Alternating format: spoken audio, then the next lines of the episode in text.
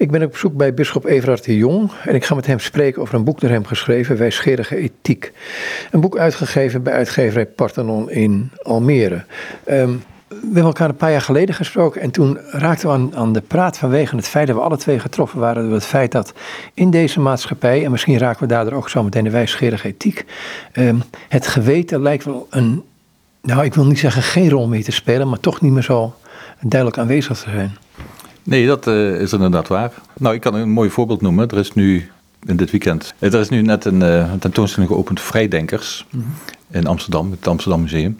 Uh, dat was naar aanleiding van een 75 jaar bestaan van het Humanistisch Verbond. Die hebben dat samen op, opgezet, die tentoonstelling. Daar het woordje geweten, voor zover ik het gezien heb, niet één keer voor. Mm -hmm. En vrijdenkers zijn nou net mensen die volgens mij vanuit hun geweten reageren op, op een bepaalde, bepaalde situatie, die door de meeste mensen niet gezien wordt als bezwarend, maar die uh, daar een uh, statement willen maken, hè? Of, of, of, gewoon niet mee kunnen omwille van hun geweten. Het zijn mensen die opgekomen zijn tegen slavernij bijvoorbeeld. Maar het woordje geweten is inderdaad wat ondergesneeuwd. Vroeger had je natuurlijk gewetensbezwaarden die, die niet aan de dienstplicht wilden deelnemen. Allerlei gewetensbezwaarden nu nog wel, maar die merk je, of die hoor je bijna niet uh, onder doktoren, die bijvoorbeeld geen euthanasie willen plegen, of, of artsen die niet willen meewerken met abortus. Maar die, die, die vormen wel inderdaad een hele grote minderheid. Maar goed, dat is bij, bij, bij gewetenskwestie natuurlijk wel vaker dat het geweten een uh, ondergeschikte rol speelt. Maar misschien heb je nu een ander soort geweten. Uh, in die zin, hoewel dat, dat ze het woord niet meer gebruiken, maar ergens dat gevoel nog wel gebleven is van de persoonlijke autonomie. Persoonlijke autonomie, dat is natuurlijk een begrip wat ook met name door Immanuel Kant, die, die daar heel erg sterk de nadruk op legde, filosoof uit de 18e eeuw, dat, dat mensen zelf moeten kunnen kiezen en, en dat is natuurlijk wel heel sterk aanwezig in onze samenleving. Dat je bijvoorbeeld met privacy zelfs, dat je, dat je recht hebt op je eigen persoonlijke levens, levenssfeer. Waarin je kunt doen wat je zelf wil. Uh, dat moet dan achter de voordeur blijven, vaak, ook als het gaat over religieuze uitingen. Waar we dan niet zo mee eens zijn natuurlijk. Maar op zich, misschien komt het toch wel op de een of andere manier voor. Op een manier die niet direct herkenbaar is als geweten. Maar waarbij iedereen toch wel het gevoel heeft. Ja, dit zijn eigenlijk rechten, persoonlijke rechten die ieder mens gegund moeten worden. Het is wel zo dat het geweten vroeger natuurlijk altijd werd gerefereerd aan, aan een wetgever een hoog, met een hoofdletter. Dat, dat Gods stem in het geweten klinkt en daar een, uh, ja, de, de, de, wetgevende kracht daarvan bepaalt. De Newman, een Anglicaan, die toen een ander katholiek is geworden, die heeft daar heel mooie dingen over geschreven in zijn Grammar of Assent. Uh, wat hij in 1870 schreef, waarin hij stelt dat ja, het geweten kun je niet verklaren door zomaar een psychologische innerlijke druk of een culturele habitus. Maar dat moet wel komen van iemand die als persoon geldt. Want je voelt je beschaamd tegenover iets in jezelf. Ja, wat het andere is van jezelf. Het is een ander tegenover je op de een of andere manier. En het hetzelfde gevoel zou je nooit hebben tegenover een dier of tegenover een mens zelfs. Het is een soort autoriteit. Dat geweten kun je niet ontsnappen. En die, eh, die, die, die opvatting is natuurlijk wel redelijk verdwenen. Zoals de hele rechtsfilosofie eigenlijk ook niet meer spreekt over natuurrecht en, en goddelijk recht. Want het gaat alleen maar over positief recht. En sowieso is ook de hele verticale onderbouwing van de, van de rechtsstructuur, ook in Nederland, natuurlijk eh, helemaal verdwenen als het gaat over een, eh, een geweten wat daaraan te grondslag ligt. Zou je kunnen zeggen dat er ook een, een soort conflict ontstaat of kan ontstaan tussen vrijheid van geweten en vrijheid van meningsuiting? Ja, ten dele overlappen ze elkaar natuurlijk. Dus, dus iedereen zou eigenlijk het recht moeten hebben om te kunnen zeggen wat hij of zij denkt. En daar hoort soms ook een geweten bij. Als je, als je gewetensvroeging hebt, dan denk ik dan is het vaak omdat je denkt: ik heb niks gezegd op het moment dat ik iets had moeten zeggen. Dus ik denk dat het geweten wel degelijk meespeelt in het spreken. Maar het geweten is natuurlijk veel meer dan alleen maar uh, een aspect van het spreken. Het is ook van het doen dus ik, ik, ik heb iets niet gedaan, of ik heb iets juist wel gedaan, waardoor mijn geweten belast wordt, of juist zich verheugt over het feit dat ik het gedaan heb. Dan kun je ook een positief geweten hebben, dat je denkt: oké, nou fijn, ik heb het toch maar gedaan, ondanks het feit dat ik bang was, of het eigenlijk niet kon, of andere omstandigheden me eigenlijk dwongen om het niet te doen of wel te doen. Maar, maar geweten is natuurlijk op alle terreinen van het menselijk gedrag uh, aanwezig. En als zodanig ook bij de meningsuiting natuurlijk, want, want het woorden ja, dat kan een waarschuwende woorden zijn. Dus als je iemand niet gewaarschuwd hebt en die ander begaat een ongeluk of begaat een misdaad zelfs. Ja, dan kun je je schuldig voelen omwille van het feit dat je daar niks van gezegd hebt van tevoren. Iemand, iemand niet gewaarschuwd hebt. Of ouders met hun kinderen. Een staat die, die niet genoeg heeft gedaan om de burgers te waarschuwen voor bepaalde dingen. Dus dan, dan kun je in een soort gewetensconflict komen. Uh, maar het is ook een geweten van een, uh, een, een, visie die je hebt, die je niet hebt durven uiten. Sommige mensen hebben, hebben best wel goede ideeën, maar denken door een bescheidenheid of valse bescheidenheid soms dat ze dat eigenlijk niet naar buiten hoeven te brengen. Nou, jammer, want misschien zouden zij nou net de bijdrage hebben kunnen leveren die cruciaal is voor een verbetering van een aspect van de samenleving. Dus dan kun je op meerdere manieren natuurlijk ook met betrekking tot het woorden een gewetensvoging krijgen. Maar zoals gezegd, het, het is veel meer dan alleen maar over woorden. Het gaat over, over alle daden die je kunt stellen of niet stellen. Ik wil ook mee zeggen dat de vrijheid van meningsuiting kan dat geweten gaan overlappen op een gegeven moment. Als er een consensus in de maatschappij is die vindt dat, ehm, ik neem abortus, neem euthanasie, zo zijn er meer dingen. Dat kan overlapt worden door de wetgeving in de maatschappij, waardoor je als arts min en meer gedwongen wordt om, of anders maar je baan moet opzeggen. Ja, ja, ja. Maar dan gaat het niet alleen over ik vind dat abortus verkeerd is, maar ook ik doe dus geen abortus. En, en dat gaat dan ook over de daad natuurlijk. Dus er, kan een algemene consensus bestaan van, van moreel oordeel over een bepaalde handeling. Ja, ik, ik denk dat dat een, uh, een, een, soort veld is waarbinnen je uh, dissonant kunt zijn. Waarin je goed kunt zeggen van, uh, nou ja, daar doe ik niet aan mee, daar ben ik het absoluut niet mee eens. Dat kan in de goede zin zijn, zou ik zeggen, maar ook in de kwaaie zin. Uh, dat, dat, dat, je gewoon dingen vindt moeten kunnen. Die, die, uh, ik noem maar wat, een pedofiele club. Die vindt echt dat zij, uh, zelfs vanuit hun geweten, die daden met kinderen zouden moeten kunnen doen. Denk, ja, de maatschappij denkt daar gelukkig anders over. Maar ook goede dingen. Dus ik denk, ja, wat, wat mag je niet, wat je eigenlijk zou wel willen doen. Hè? Dus soms worden mensen ook beperkt in het goede dat ze doen. Dus wanneer mag je mensen gaan helpen, ook als het een gevaar is voor eigen leven. Soms word je daar ook in gehinderd op de een of andere manier. Maar ik zou dus het, het, het morele bewustzijn, zou ik zeggen, dat, daar kun je dus van afwijken, van het algemene morele bewustzijn. Daar kun je dus een ander geweten hebben. Uh, dus geweten is iets heel persoonlijks, dus dat kan ook best anders zijn. Maar het gaat ook over uh, welke daden zou ik willen stellen, of juist niet willen stellen, op grond van mijn geweten, die maatschappelijk al of niet geaccepteerd zijn of niet. En ja, daar horen woorden uitspreken natuurlijk als daden ook bij. Ja, bijvoorbeeld, ik denk, denk dat mensen heel snel geneigd zijn tegenwoordig om, om veel aan hunzelf te denken. Ik heb ook ooit wel eens met een satanist gesproken. Die had een Satansbijbel bij zich, geschreven door Lavey, hoge priester van het satanisme, die in New York en in Amsterdam woonde. En die satanist vroeg ik toen, wat staat daar nou in? En toen zei hij, een van de dingen is, nou, het hoofdgebod van het satanisme. Ik dacht, nou, dat zal wel zijn, breng uh, verdeeldheid, maak oorlog, doe mensen pijn, verdriet. Niks van dat alles. Hij zei alleen van, het hoofdgebod van de Satansbijbel was, denk eens wat meer aan jezelf. Dus dacht ik, ja, oké, nou dat moet je soms doen als je onder druk staat en je niet meer jezelf kunt zijn. En dan moet je zo even afstand nemen en zeggen, wat wil ik nou eigenlijk zelf? Maar het is ook zo dat dat heel vaak verkeerd wordt begrepen. En zeg ja, zie je wel, in mijn relatie, en die ander moeten ze aan meedenken. Ik, en, uh, ik moet eens wat minder aan mezelf gaan denken. In, in, de, in de zin van uh, ja, mezelf opofferen of zoiets. Dus ik, dus, dus gedachten kunnen een, eh, een, een, wending nemen in de maatschappij waar op een gegeven moment je van zegt, nee, die, die richting wil ik niet in. Om wat voor reden ook. Um, ja, dan, dan ben je soms gedwongen om daar je geweten te volgen. Trouwens, je moet overal altijd je geweten volgen. Hè? Dus het is niet zo dat je geweten zo vrijblijvend is voor jezelf. Wij, als katholieken zeggen ook altijd van uh, de laatste instantie die beoordeelt of iets goed of kwaad is, is uiteindelijk je eigen geweten. Dus ik weet niet of je die uitspraak kent van kardinal Newman, die dus katholiek geworden is op, eh, in, de, 19e eeuw.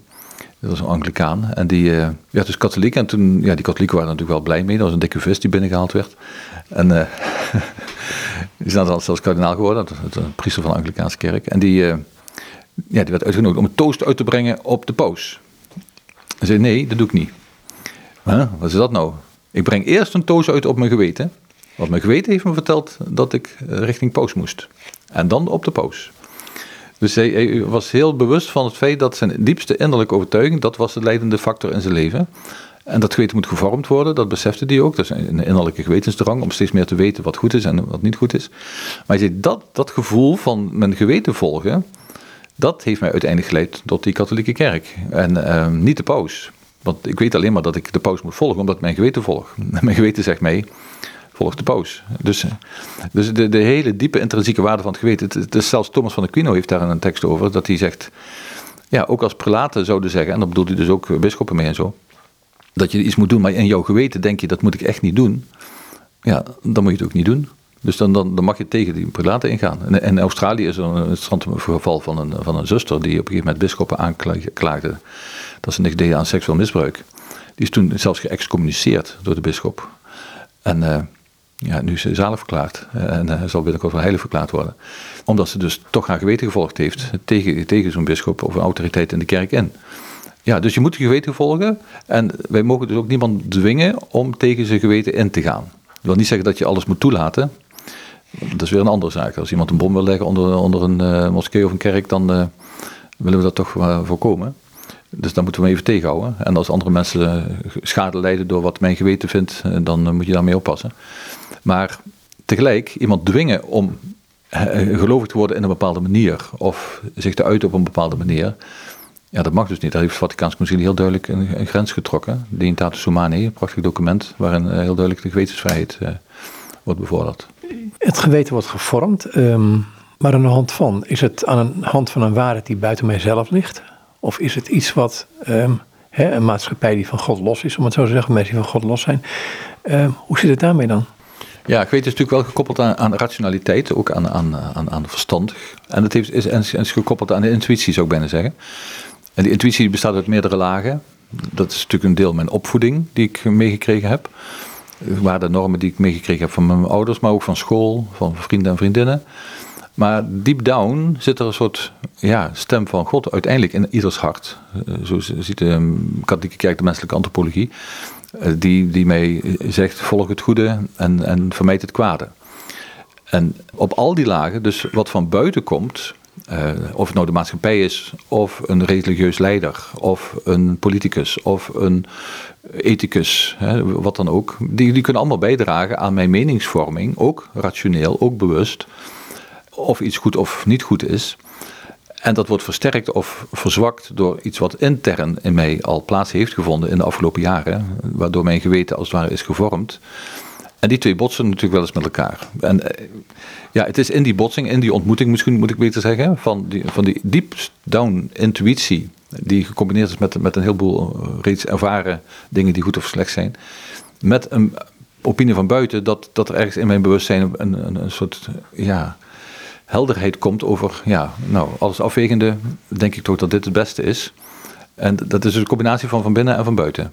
En ik zeg niet dat het van binnen altijd goed is, want het geweten kan zeer verstoord zijn door opvoedingen, door brainwash-praktijken zelfs, door weet ik wat allemaal.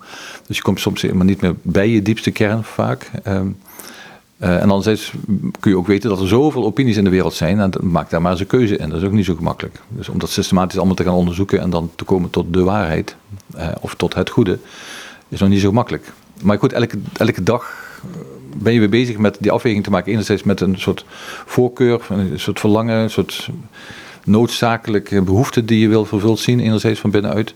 En anderzijds van buitenuit bepaalde vragen, druk, uitnodigingen, verleidingen. Nou ja, die twee, dat, dat komt daarboven allemaal bij elkaar en daar moet het dan gebeuren. Is, is, is, is uh, waarheid of, of waardigheid of waarden, um, zijn dit puur subjectieve gegevens dan? Nee, nee. Maar wij zijn wel mensen met subjectiviteit. En als je moet afwegen wat goed en kwaad is, dan zul je toch altijd met jezelf uh, die waardeafweging moeten maken. Maar ik geloof wel in een objectieve waardeorde. Dus, dus het doden van een onschuldige bijvoorbeeld. Ja, dat, is voor mij een, een soort absolute non-waarde of een absolute tegenwaarde. Dus dat is ook nog een probleem met, met de ethiek. Zijn er waarden die altijd in elke omstandigheid verkeerd zijn? Ja, negatieve waarden dan bedoel ik. Uh, of is alles afweegbaar, is alles uh, onderhandelbaar? Nou, dat laatste zijn we dus niet uh, van overtuiging. Maar dus dat, dat er een objectieve waardeorde is, ja. Ik, ik vergelijk vaak mensen met, of, of mensen, de behoeften van mensen met, met Maslow. Ik vind die piramide van Maslow. Dus die heeft gezegd in zijn basis, basiswaarden: veiligheid, voeding, fysiologische waarden. Maar dan komen langzaam de, ja, de meer emotionele waarden, de cognitieve waarden, esthetische waarden en uiteindelijk eh, self-actualization, zoals hij noemt. Maar daarboven heeft hij later nog ontdekt, is ook nog een self-transcendence. Nou, op al die lagen, denk ik, hebben we behoeften die vervuld moeten worden. En dat is een soort natuurlijk aanvoelen van of het goed voor ons is of niet goed. Je wil gewoon eten. Hè? Als, het niet goed het eten is, dan, dan merk je dat in je maag of in je darmen. En cognitief, ja, wil je gewoon weten. Nou, dat zijn allemaal positieve waarden.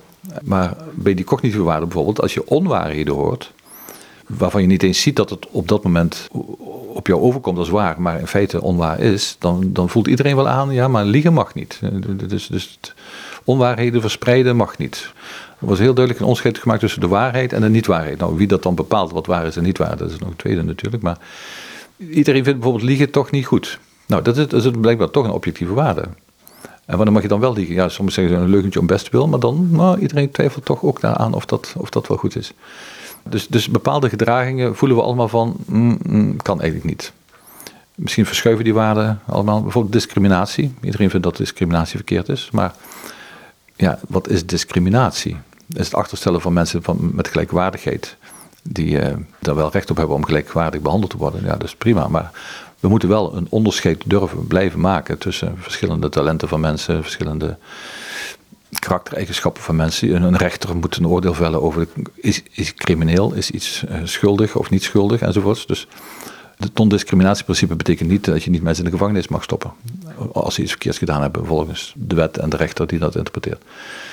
Dus ik, ik, denk dat de maatschappij enerzijds stelt, ja, objectieve waarden zijn er eigenlijk niet. Uh, iedereen kan eigenlijk zelf bepalen wat goed of slecht is. Dat is dus eigenlijk helemaal subjectief. Je, daar mag je je geweten volgen, hoewel ze dat woord misschien niet gebruiken, maar wel zeggen, doe waar je zin in hebt, volg je gevoel, om het zo maar te zeggen. En anderzijds weet ook iedereen dat dat dat eigenlijk niet gaat. Dat, dat niet iedereen zijn gevoel kan gaan volgen. Uh, dat niet iedereen zomaar dingen kan roepen. Dat niet iedereen onwaarheden kan gaan verkondigen. Die worden zelfs uh, door, door Twitter kalt gesteld. dus ik, ik denk dat de, maatschappij eigenlijk op twee gedachten hinkt. Enerzijds van een, een, persoonlijk heiligdom van iedereen moet maar eigenlijk kunnen doen wat hij wil. Een to totale liberaliteit. En anderzijds toch ook wel zo'n grote sociale druk. Dat bepaalde politiek correct denken toch wel echt de norm is. Uh, want daar mag je niet buiten spreken. dus ik was laatst dus bij dat 75 bestaan van Humanistische Verbond. Er werd gesproken over vrijdenkers. En ik vond dat Femke Halskema, als voor burgemeester van Amsterdam, daar een hele mooie tekst toe had. En die zei, ja, bij ons, want zij is natuurlijk van links, uh, komt het soms voor als uh, ja, alleen de rechtse mensen die hebben een soort dwang om mensen in een keurslijf te dringen. Maar dat doen wij als linkse mensen ook. Dus uh, de dwangdenken zit niet alleen bij rechts, maar ook bij links. Ik vond het wel eerlijk van. Dus er zit natuurlijk altijd wel een maatschappelijke visie op bepaalde dingen die dominant is. En als zodanig belangrijk dat iedereen toch regelmatig even zijn geweten onderzoekt en kijkt, ja, wat, wat vind ik er nou eigenlijk zelf van? Maar dan hopen we natuurlijk als katholieken dat we ook te raden gaan bij wat vindt de kerk daar nou eigenlijk van? Wat vindt het evangelie daarvan van? Wat zou Jezus in dit geval gedaan hebben? En dat is natuurlijk voor ons eigenlijk het grote criterium. Maar goed, tot die conclusie komen heel veel mensen pas later in het leven, als ze alles geprobeerd hebben. En dan denken we, ja, zullen we ook naar Jezus kijken, misschien heeft hij ook nog wat zinnigs te bieden. En in, dat opzicht vind ik dat onze maatschappij ook wel weer ruimte biedt om Jezus te herontdekken. Ja, ik zal nog even een voorbeeldje aanhalen van, van dat, die tentoonstelling in het Amsterdam Museum. Daar is een kamer, daar kun je teksten opschrijven uh, over um, waarvan jij denkt dat ze met vrijheid van meningsuiting te maken hebben. Wat is nou echt vrijheid? Toen heb ik daar een tekeltje beschreven met de tekst van Jezus: De waarheid zal u vrijmaken. Nou, eh, de vrouw die daar curator was, die was zeer geobsedeerd door die tekst. En ging daarmee mee over in discussie. En zei, ja, wat betekent dat dan, de waarheid zal u vrijmaken? Ik zeg, ja, denk je dat je echt vrij bent als je de leugen volgt? Denk je dat je echt vrij bent als je jezelf voor de gek houdt? Denk je dat je echt vrij bent en vrij kunt maken als je wanbeeld of een, of een, een vervormd beeld van de werkelijkheid uh, schept? Nee, nou dat voelt dus wel ook aan aan. En ik zeg zelfs, ja, je kunt niet uitgedaagd worden. Als, als, de, als de waarheid jou niet corrigeert op de een of andere manier in je gedachten, ben je dan echt vrij. Je kunt wel denken dat je vrij bent. Hè? Dat je niet in de gevangenis zit. Maar ja, die muur van die gevangenis, die zal je op een gegeven moment laten merken ja, en, dan moet je verder gaan denken van welke vrijheden heb ik eigenlijk al? Wat, wat is de limiet van mijn vrijheid? Dus de vrijheid als absoluut, absolute waarde is natuurlijk ook altijd aan mate gebonden. We hadden in de 60 jaren Jean-Paul Sartre, die, die met zijn lettre et le het zijn en het niet zijn, een boek geschreven heeft waarin hij de absolute vrijheid verkondigde. Het was natuurlijk in de tijd van de studentenopstanden en zo. Maar ja, ik zeg altijd tegen mijn studenten filosofie, uh, hij kon niet besluiten om de 100 meter in 10 seconden te lopen. Dat kun je wel willen, dat kun je wel denken, maar dat is niet reëel. Dus je wordt toch door de werkelijkheid ingehaald als het gaat over vrijheden. Dus de vrij, waarheid zal je vrijmaken is in, in de eerste instantie gewoon denk ik accepteren wat er is, wat er mogelijk is. En daarbinnen dan het goede te kiezen. Maar vrijheid als absolute waarde, dat, dat, dat werkt niet. Maar misschien ben ik nu wat ver afgedwaald van de, van de vraag. Het boek heet Wijsgerige Ethiek, dus eh, je kunt filosoferen zoveel je wil. Ik ga naar een ander ding toe, uh, wat je net zei van oké, ehm, de waarheid zal je vrijmaken, maar er zit ook iets in van het geweten. Ehm, wie zijn wij? Daar wil ik naartoe eigenlijk. Um, als tegenwoordig natuurlijk, ja, het is heel modieus om te zeggen, we zijn ons brein of um, wij zijn niet meer een veredelde dieren bijvoorbeeld. en denk ik, ja, hebben daarmee niet zoveel de neiging om zo autonoom te worden, dat we eigenlijk niet meer in de gaten hebben dat er een macht is die hoger dan ons is, die ons kan sturen, die, aan wie wij ons kunnen, in liefde kunnen onderwerpen, laat ik het zo maar zeggen. Waardoor je gewoon helemaal op jezelf teruggeplooid wordt. Ja, waar gaat dat heen? Want dan, dan uh, als je dan sterft, ja, uh, waarom zou je nog druk om maken? Want daar lig je op, of daar ligt even hard, of ja, zo wat. Ja, nou, dus het overgeven aan een hogere macht, dat is altijd een beetje tricky. Want in onze maatschappij zijn er natuurlijk zoveel aanbieders van hogere machten. Um, nou, ik heb het niet over ISIS en zo. nee, maar ik bedoel, kijk, er zijn boeddhisten, hindoes, uh, moslims, allerlei culturen zijn hier met hun eigen godsdiensten. En dan hebben de katholieken ook nog hun god en de protestanten hebben ook een god. Ik heb ooit eens met Ineke Bakker, voorzitter van de PKN, gesproken. En die, of de Scriba was dat toen, geloof ik. Maar die, uh, die had over Jezus. Jezus bidt ons. Ik zeg, ja prima, maar onze Jezus is op sommige punten echt iets anders dan jullie Jezus. Dus, dus welke Jezus gebruik je dan als je zegt ik volg Jezus? Uh, want over Jezus en wat hij wil zijn we het niet altijd even eens.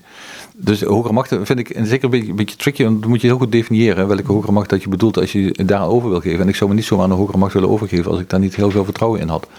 En daar hoort ook een beetje een interpretatie bij van wie die hogere macht is en wat hij dan voor plan is te doen. En ik zou mensen willen waarschuwen te snel aan een hogere macht uh, zich over te geven, want...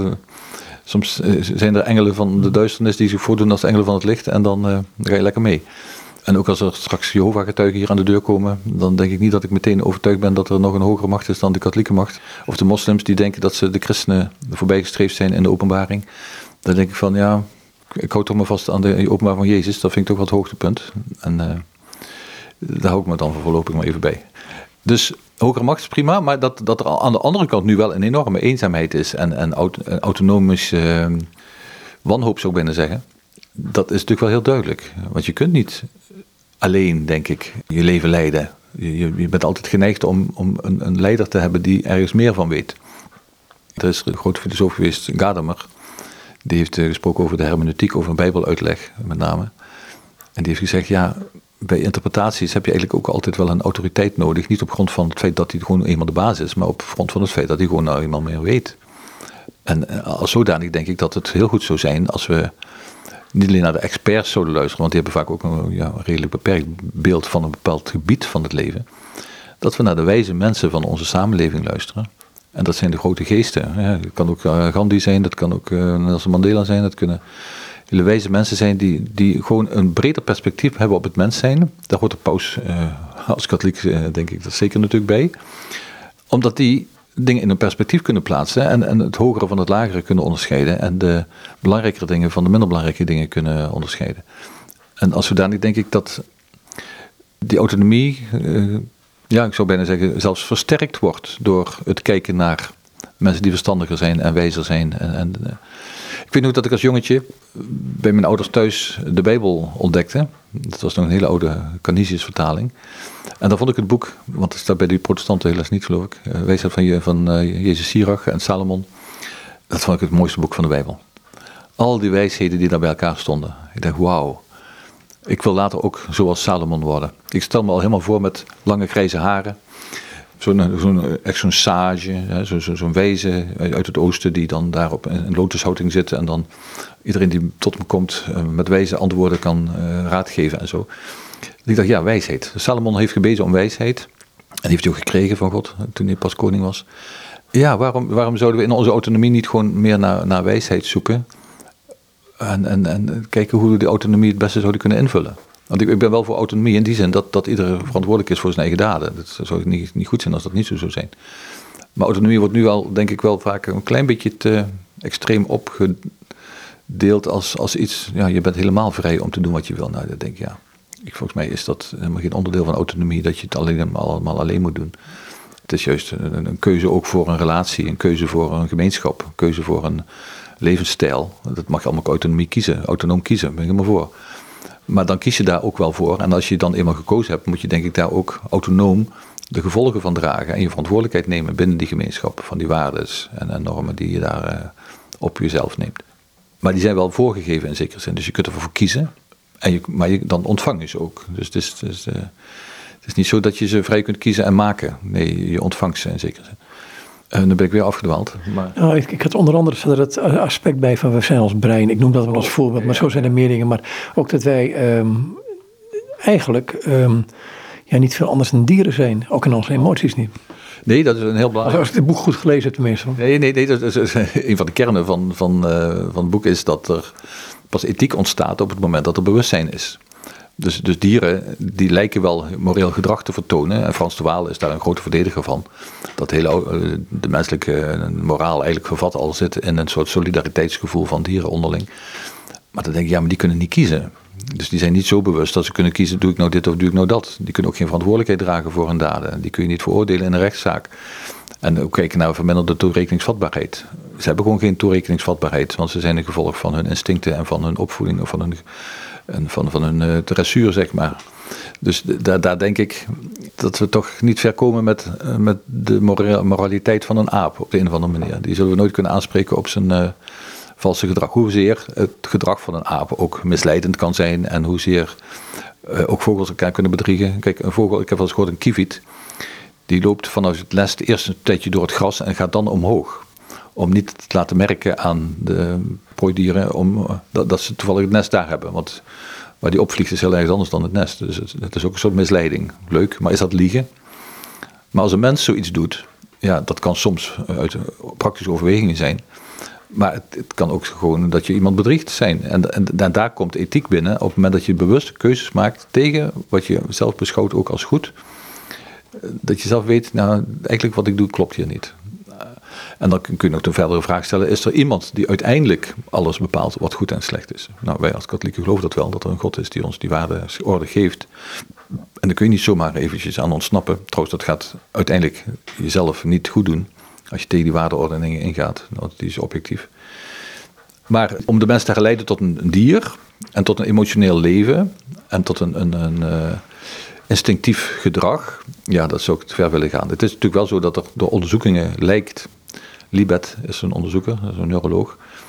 Alsof de hersens al besluiten nemen voordat wij ons bewust zijn van dat besluit.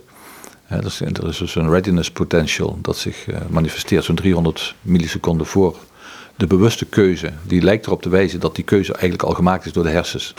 Dan bewust wordt. En dan lijkt het alsof wij zelf vrij kiezen. Maar dat doen we al niet meer, want onze hersens hebben al voor ons gekozen. Maar het is helemaal nog niet duidelijk wat dat readiness potential is. Uh, wat dat voor een dwingende uh, eisen kan stellen. Uh, dat er een bepaald verband is tussen een bepaalde voorbereiding op een keuze en het helemaal gedetermineerd zijn van onze keuze door die voorbereiding, dat is nogal een verschil. Dus ja, de hersens zijn we zeker niet alleen. Ik heb wel eens met Dick Swaap gesproken ook, en die heb ik wel eens gezegd, hij liep met zijn vrouw. Van wie houdt u nou eigenlijk? Houdt u van Dick of houdt u van zijn hersens? Toen moest toch toegeven, ik hou van Dick, niet alleen van zijn hersens. Dus ja, ik ben mijn brein is ook een, een beetje een relatieve uitdrukking natuurlijk. Een mens is altijd meer dan zijn hersens. En zelfs na de dood, dan zijn de hersens er niet meer, maar dan geloof ik wel dat het ik verder gaat. Maar goed, dan kom je ook op het gebied van zingeving. Uh, de wetenschap die zin probeert te geven en het steeds meer dat terrein opgaat. Wat is die zingeving en hebben wij een ziel? Wie zijn wij? Aristoteles die dacht dat alle levende wezens een ziel hebben, want dat is het levensprincipe. Hij dacht, hoe kunnen we hoe dingen uit zichzelf bewegen? Nou, dat kan alleen maar als er een soort bewegend principe in zit. En dat is de ziel. Dat geldt voor planten, dat geldt voor dieren, dat geldt voor mensen. Het eigen van de mens is, eh, volgens onze christelijke antropologie, dat de mens iets heeft wat alle dieren niet hebben namelijk bewustzijn denken. Waarmee we boven de zintuigelijke werkelijkheid kunnen uitstijgen, waarbij we algemene begrippen kunnen vormen, waarmee we boven de tijd kunnen uitstijgen door te denken aan het verleden en aan de toekomst. Dat is toch anders. Ook in de, in de ruimte kunnen we denken, nu aan Australië of aan, aan 13 kilometer weg of wat dan ook. Dus ons denken is, is echt een andere laag van zijn. En daarmee zijn we meer mens, uh, of zijn we meer of hoger eigenlijk dan dieren. Dat durf ik echt wel te stellen. Ook in deze egalitaire wereld waar mensen en dieren langzaam gelijkgesteld worden. En zelfs ongeborenen als minder beschouwd worden dan, dan dieren. Dat, dat, dat gaat nog wel erg ver tegenwoordig. Maar in ieder geval, die, die mensheid die, die is geroepen om een doel te bereiken. Kijk, bij dieren ligt dat doel in zekere zin vast, doordat ze instinctief bepaalde dingen doen. en zich voortplanten bijvoorbeeld, een soort blijft bestaan. Ehm, volgens de evolutionair bioloog mag je niet eens zeggen dat dieren een doel hebben, want alles is in de natuur eigenlijk toeval. Dus, dus uh, toevallige mutaties en natuurlijke selectie is het principe waarop de dieren zich ontwikkeld hebben volgens de evolutietheorie. En dat betekent dus dat eigenlijk een blinde richting ingegaan is en nog steeds wordt door alle dieren die niet bewust zijn en dus niet hun eigen doel kunnen kiezen. En dan moet je het maar aan de natuur overlaten, voor zover die sturend is, uh, dat er iets uitkomt wat toevallig overleeft en daardoor ook een, een nageslag kan voorbrengen. Nou ja, dat is bij mensen anders. Mensen kunnen zichzelf doelen stellen. En dat is de grote vraag voor mensen natuurlijk. Hebben wij een voorgegeven doel of hebben we een doel wat we alleen maar zelf hoeven te kiezen? Of kunnen kiezen, of mogen kiezen, of zelfs moeten kiezen, zoals Jean-Paul Sartre zei. Nou, ik denk dat er een voorgegeven doel is. En dat doel zit ingebakken in ons. Dat kunnen we ons bewust maken. Maar dat kunnen we ook rationeel bewijzen, zou ik bijna zeggen. Door te kijken naar onze diepste verlangens. Want een doel is als het ware complementair aan een verlangen. Een, een, een soort noodzaak die iets wil. Om dan op die manier uh, ergens vervuld te worden met, met een soort geluksgevoel. Met een satisfactie. Met een gevoel van, uh, ja, bijvoorbeeld ik heb honger. Dat is mijn desiderium, mijn, mijn verlangen. En dat wordt gevuld door iets te eten. Ik heb dorst, nou, door iets te drinken. Dat is de hele behoeftepyramide van, van Maslow zou je kunnen zeggen.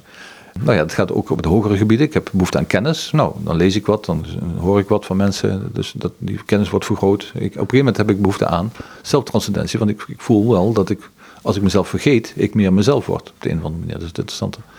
Nou, die, die, die behoefte, als je die volgt, de lagere behoeften, die, die heb je gemeenschappelijk met planten. En dan de wat hogere heb je gemeenschappelijk met dieren. Maar je hebt ook een geestelijke behoefte. En die geestelijke behoefte bestaat onder andere in wetenschap. Wij willen meer weten. En wetenschap, dat is de zekere kennis van de oorzaken van de dingen, zoals Aristoteles zegt. Dat is misschien een iets andere definitie dan de meeste wetenschappers nu zouden zeggen. Maar wetenschap is, zoals Aristoteles zegt, de wetenschap is de zekere kennis van de oorzaken van de dingen. Nou, als je dan wil weten wat de oorzaak van alle dingen is, wil je ook de wetenschap, wil je ook weten wat de oorzaak is van de wereld. En Aristoteles heeft zelfs al uh, wetenschappelijk, of ja, in zijn gebied, op, op zijn manier wetenschappelijk, maar wij zeggen dan filosofisch, ik zeg aangetoond dat ja, niets uit zichzelf beweegt. Dus er moet een eerste onbewogen beweger zijn die uiteindelijk alles in beweging gezet heeft. Thomas van Aquino maakt er dan God van. Maar ik denk, ja, daar zit eigenlijk wel ons doel. Het kennen van die oorzaak. Dus Aristoteles al in zijn Ethica Nicomachea, tussen vier eeuwen voor Christus, die schrijft dat de mens gelukkig wil worden. Maar waardoor word je nou het meest gelukkig, zegt hij, door de hoogste activiteit van je hoogste vermogen.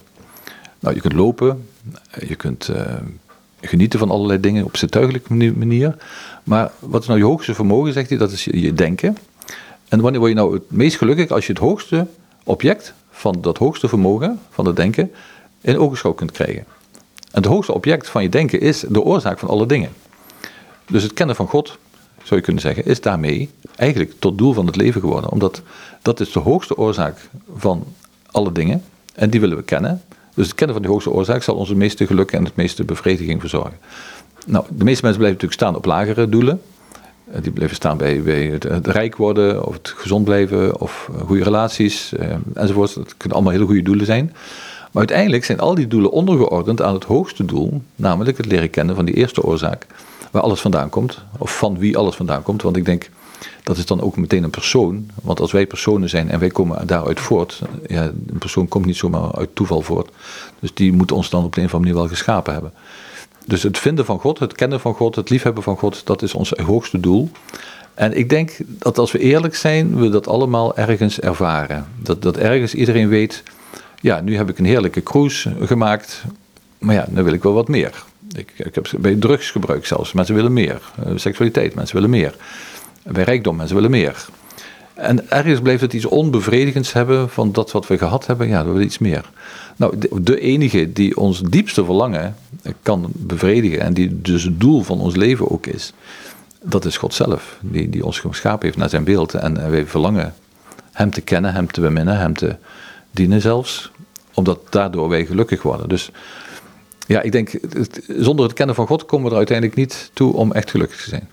Het boek heet Wijsgerige Ethiek. Ehm, en op de, op de flapsat merk ik iets dergelijks in de trant van... Ehm, je komt tot die conclusie kom je op een gegeven moment.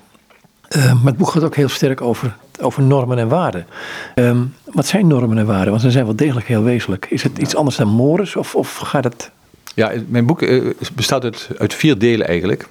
Of ja, vijf, maar in ieder geval de hoofdvier zijn eigenlijk dat ik laat zien dat moraal een aantal aspecten heeft die we niet los van elkaar kunnen zien. En dat begint met de menselijke natuur. De menselijke moraal is, is anders dan die van dieren, van, van, van planten. De mens als mens is ja, een moreel wezen en dat heeft met zijn menselijke natuur, met zijn, wie die is te maken. Namelijk, we moeten naar dat doel toe. Of we voelen dat we naar dat doel toe moeten. Iedereen wil een bepaald doel in zijn leven. Zonder zingeving gaat iedereen dood. Dus dat heeft Victor Frankl al ontdekt. De concentratiekampen overleven alleen die mensen die zich een doel gesteld hebben om nog te overleven, om, om iets te doen in de wereld. Dus dat is dan de tweede. Dus de natuur van de mens moet je analyseren. Wat bedoel je eigenlijk als je mens zegt? En wanneer is de mens compleet? Wanneer is de mens gelukkig? Dus dat is één. Tweede is het doel van de mens. Nou, dat moet je dan helder ogen hebben. En de weg naar dat doel, zou ik zeggen, die heeft twee vleugels. Dus de waarden en de normen.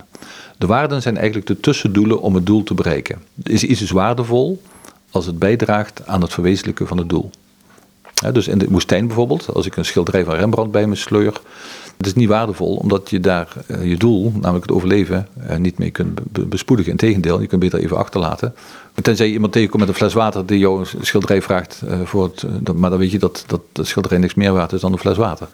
Dus waarden zijn afhankelijk van het doel. Dus de waardesystemen die we hebben, die zijn natuurlijk eigenlijk alleen maar afhankelijk van het doel. En dat, dat is bij politiek vaak helemaal niet duidelijk. Uh, want die waarden zijn gekoppeld aan normen, waarbij bepaalde waarden als het ware normatief zijn voor het doel. Kijk, als je, als je denkt dat God niet het doel is van je leven en dat je dat zelf kunt bepalen, ja, dan zijn alle waarden en ook normen die daarop betrekking hebben natuurlijk waardeloos, om het zo maar te zeggen. En hebben geen, geen, geen a priori, geen, geen, geen reële waarde meer. Uh, als je ervan uitgaat dat het wel degelijk een absoluut doel is van de mens, dan, dan zijn die waarden ook soms normatief, omdat die zonder die waarden uh, ook niks gebeurt. Dus bijvoorbeeld, voor Jezus is bijvoorbeeld een absolute waarde: bemin God boven alles en naast als jezelf. Als je dat niet doet, ja, het liefhebben, dan zul je nooit God bereiken, want God is liefde. Dus hij ziet een, een relatie tussen de waarde en het doel. En ja, dus, dus waarden, ja, dan moet je dus eerst zeggen welk waardesysteem heb je, welk, welk doel heb je voor ogen. Dan pas kun je zien wat de waarde is van iets of iets of iemand die kan bijdragen tot dat doel of juist ervan afleidt. Het is ook interessant dat bijvoorbeeld hamartia, hamartia, dat is een Grieks woord voor, uh, voor zonde, uh, komt in het evangelie ook voor. Dat is eigenlijk eh, afkomstig van een pijl die het doel mist. een zonde is eigenlijk je doel missen. Dus dan zie je dat, dat waarden in feite ontstaan door het doel wat je je stelt. En onwaarden of negatieve waarden, of, of, of schadelijke dingen zou ik bijna zeggen, die ontstaan als je je doel mist. Nou, gekoppeld aan die waarden zijn de normen, maar dus niet alle waarden zijn normen. Dus niet alles hoeft wat je als advies krijgt. Dus iets kan goed voor je zijn, maar niet verplicht. Bijvoorbeeld, ik, ja, ik zou eigenlijk elke dag een half uur mensen moeten lopen. Dat is advies van de Gezondheidsraad. Uh, ik neem hem ook vaker voor. Het is goed voor de hersens, goed voor de gezondheid, enzovoorts, enzovoorts. Maar ik kom er niet toe. Maar dit is wel een waarde die belangrijk is voor mijn gezondheid, om het zo maar te zeggen. Dus voor zover ik gezond wil zijn, moet ik die waarde, denk ik, wel invulling geven. Maar het is geen norm. Het is geen norm in de zin van uh, de staat gaat mij verplichten om die waarde ook eh, in stand te houden. Maar er zijn bepaalde waarden, bijvoorbeeld veilig in verkeer uh, gedragen, ja, die worden wel genormeerd, omdat dat ook schadelijk is voor anderen en die dan, dan krijg je straf als je, als je die niet doet. Zo is het in Gods wet ook. Je hebt kerkelijke wetten die ja, toch ook wel een, een, een, normatief karakter hebben, dat wil zeggen, gestraft kunnen worden als, je, als je het niet doet. Dus de norm voegt toe aan de waarde dat het een, een, ja, normativiteit, een, een soort moeten heeft. er is een verschil tussen een waarde die meer het zijn behandelt en een norm die meer de, het moeten aspect beïnvloedt. Dus de grote vraag van de filosoof is dan ook altijd: hoe kom je van een waarde naar een norm? Hoe kun je van, van het is naar het ought? Zeggen ze het in Engels. Dus dat noemen ze de, de, de naturalistic fallacy. Dus als mensen te gemakkelijk zeggen: Nou, het is goed voor mij, dus het moet. Dat is niet altijd, altijd gegeven. Dus niet alles wat goed is, moet. Maar het is wel zo dat het goede en het moeten vaak heel dicht bij elkaar liggen. En dat je misschien niet door mensen gestraft zult worden als je iets wat goed is niet doet, maar wel door je eigen natuur. Dus het kan wel zo zijn dat ik niet gestraft word door de staat als ik niet elke dag een half uur loop. Maar mijn lichaam zal op een gegeven moment minder goed functioneren als ik niet elke dag een half uur loop. Dus mijn lichaam zelf is ook normatief in zekere zin, want die zal het gewoon laten merken. Hey jong, je denkt wel dat je geen half uur moet lopen, maar uh, eigenlijk is het wel een, uh, een, verplichting om het te kunnen doen. Om gezond te blijven. Maar goed, ik weet niet of ik nog helemaal duidelijk ben. Dus je hebt, je hebt vier, uh, je hebt een kruis als het ware. De natuur van de mens wil naar een bepaald doel. Dat doel wordt bereikt door bepaalde waarden die bijdragen aan het bereiken van dat doel. En er zijn bepaalde normen die in ieder geval moeten gerealiseerd worden om dat doel te bereiken. Maar je hebt ook een aantal waarden die niet per se normatief zijn, maar die wel dat doel sneller laten komen of ja, die bijdragen aan dat doel zonder dat ze nou direct normatief zijn. Nou, dit is een grote vraag natuurlijk, waar komt die normativiteit vandaan? Wat, wat, wat is nou dat dat moeten meer maakt dan een advies? Nou, de, de kern van het moeten, door de rechtsfilosofen wordt dat wel gezegd, is de sanctie. Dus uh, er wordt gesanctioneerd. Er kan een straf komen die ervoor zorgt dat je niet alleen niet je doel bereikt, maar ook nog extra schade leidt als je dat doel niet wil bereiken of als je niet die, die waarde handhaaft. En dat is dus bijvoorbeeld bij een verkeersboete, dan, dan krijg je meer schade dan je eigenlijk uh, ja, lief is, omdat je dan op een gegeven moment merkt, ik moet dat doel wel bereiken, en namelijk verkeersveiligheid. Maar die, die normativiteit, die, die, die kan eigenlijk nooit gegeven worden, zeggen de meer ja, klassieke filosofen. En dat is tegenwoordig bijna helemaal uitgestorven, dat denken, door een wetgever. Dus een wetgever alleen kan normatief zijn. Nou, als er nou wetten zijn waarvan iedereen voelt die zijn er, maar die zijn niet uitgesproken, waar komen die dan vandaan? Nou, dan denk ik, dan is er een soort religieus being, zoals Newman ook zegt, dan is er een soort eh, God nodig, toch op de een of andere manier, die die wetten gemaakt heeft. Anders zijn ze niet normatief. Er moet een wetgever zijn die, als de mensen die wetten niet maken, toch de wet, de rechtvaardigheid in stand houdt. Waar dat heel duidelijk is gebleken, is de Nuremberg-processen na de Tweede Wereldoorlog. Waar de, de beulen van de natiekampen en de, en de grote leiders van Nazi-Duitsland als verdediging aanvoerden dat ze gehandeld hadden volgens de democratische wetten. En dat ze gewoon rechtvaardig gekozen waren en dat ze gewoon gedaan hebben wat het volk eigenlijk wilde. Maar die rechters hebben gezegd, ja, maar er zijn diepere waarden en diepere normen zelfs, die eh, niet übergangen kunnen worden. Dus die niet zomaar gepasseerd kunnen worden omwille van bepaalde menselijke waarden die mensen zich stellen. Dus die gingen terug naar een soort natuurrecht, dat er in de natuur, eh, gegeven door een wetgever in die natuur, ja, meer is dan positief recht. Positief recht is eigenlijk wat mensen met elkaar afspreken, een soort natuurrecht, grondrecht. Dat zit veel dieper. De menselijke waardigheid bijvoorbeeld uh, is er één van. Natuurlijk hadden ze toen nog niet de universele verklaring van de rechten van de mens. Die is pas naar de rand gekomen, omdat gevoel van er ligt onder onze positieve wetgeving ligt er een, een, een raamwerk van, van waarden die ook normatief zijn, rechten namelijk, en plichten daarmee die menselijke natuur moeten beschermen op de een of andere manier. En dat is geboren uit die rechtsonzekerheid die ontstaat op het moment dat mensen in naam van de democratie misdaden begaan tegen de menselijkheid. Die juist vanwege die wetten niet beoordeeld en ook zelfs helemaal niet bestraft kunnen worden, maar die wel een grond van bestraffing nodig hebben. En dan, dan kun je er niet omheen om dat moeten te gronden in een ultieme wetgever. Dat wil natuurlijk niemand. Er is zelfs ook een wetsfilosoof, een hele katholieke wetsfilosoof, uh, Elizabeth Anscombe geweest uh, na de Tweede Wereldoorlog. Die heeft gezegd, ja, misschien moeten we dat hele begrip van wet wel afschaffen. Omdat niemand tegenwoordig wil of dat eigenlijk een wet een grond heeft in een persoon, in iemand die die wet wil, die een wil heeft om die wet op te leggen. En als je niet meer accepteert dat er een wet is die uh, boven de menselijke wetten uitstijgt, of dieper is dan de menselijke wetten, en die dus veroorzaakt moet worden door een hoger wezen die die wetten heeft opgelegd. Maar je wil dat hogere wezen niet weten. Je, wilt eigenlijk ontkennen dat er zo'n wezen is, of je, a priori. Ja, dan moet je niet meer van het begrip wet spreken. En dat is natuurlijk wel een hele interessante opvatting. Die naar mijn idee eh, is heel goed bedacht of overdacht moet worden. Want zo is het wel, denk ik. Dus dat je, dat je op moet passen dat je het begrip wet niet gewoon uitholt door te stellen. Er zijn alleen maar wetten, mensenwetten die wij zelf kunnen opleggen aan mensen. Door een contract of door een opleggen van de samenleving. Maar um, dan heb je nooit meer een, een onderlaag die die wetten kan be beoordelen. Dan heb je misschien wel een constitutioneel hof, de grondwet, maar zelfs de grondwet. Ja, oké, waar is die dan op gebaseerd? En het moeten van die grondwet. Waarom zou ik me aan de grondwet moeten houden? Als die opgesteld is door andere mensen en ik autonoom ben.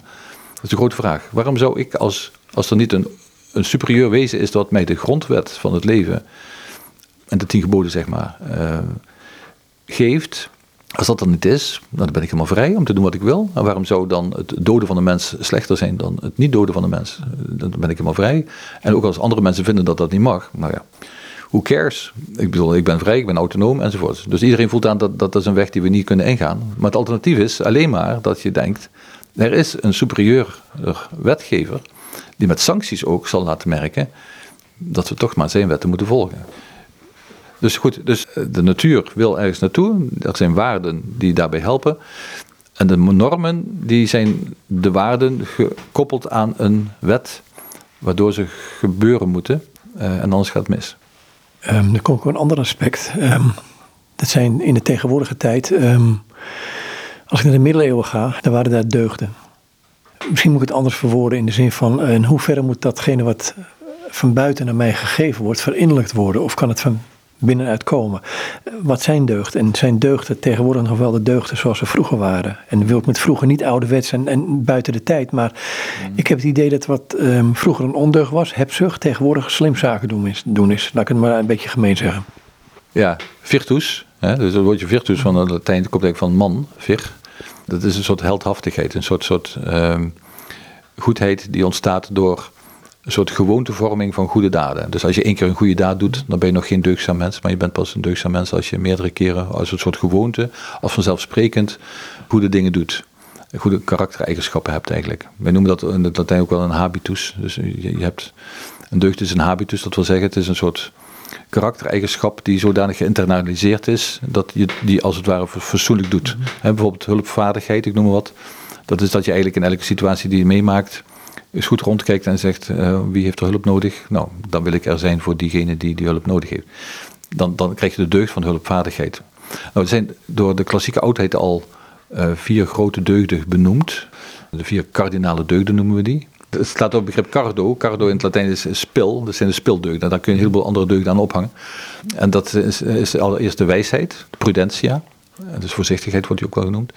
En dan heb je nog de, de rechtvaardigheid, justitia die conjose, dus het is gewoon ieder het zijne geven. Dus dat is een verdelende rechtvaardigheid bijna. Dan heb je de moed, zodat je je krachten goed gebruikt. Want die zijn niet per se slecht. Kijk, kwaadheid kan je alleen maar als negatief beschouwen, maar eigenlijk is kwaadheid ook een soort kracht die je ontwikkelt, die ten goede en ten kwade kan worden aangewend. En matigheid, dat is de andere kant daarvan. Dat is gewoon ja, de slapheid als het ware voorkomen door en ook de, teveelheid, uh, door, door gewoon een goede midden te vinden tussen wat te veel is en te weinig. Dus die vier, wijsheid, rechtvaardigheid, moed en matigheid, die zijn uh, de kardinale deugden. En die zijn allemaal in het midden. dus de, de wijsheid ziet vaak, nou ja, het is nog te veel, nog te weinig. Uh, de rechtvaardigheid is, die krijgt niet meer dan de ander, of die krijgt juist precies dat wat hij nodig heeft, en die krijgt ook precies wat hij nodig heeft, ook al is het verschillend. De moed is in situaties ja, zien dat je niet overmoedig bent maar ook niet laf. Ja, dus dan moeten ze ook in het midden. En de matigheid is juist precies inderdaad het kiezen van het is niet te veel eten, maar ook niet te weinig enzovoort.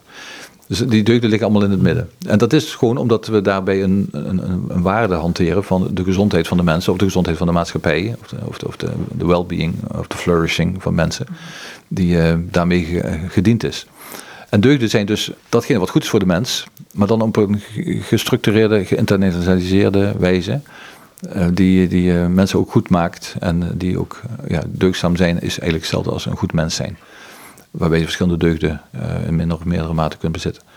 Nou, dus dat onze maatschappij het begrip deugd wat vergeten is, dat is een beetje verholpen door um, een man die daar in de 70 jaar veel over geschreven heeft, McKinney, dus over virtue ethics.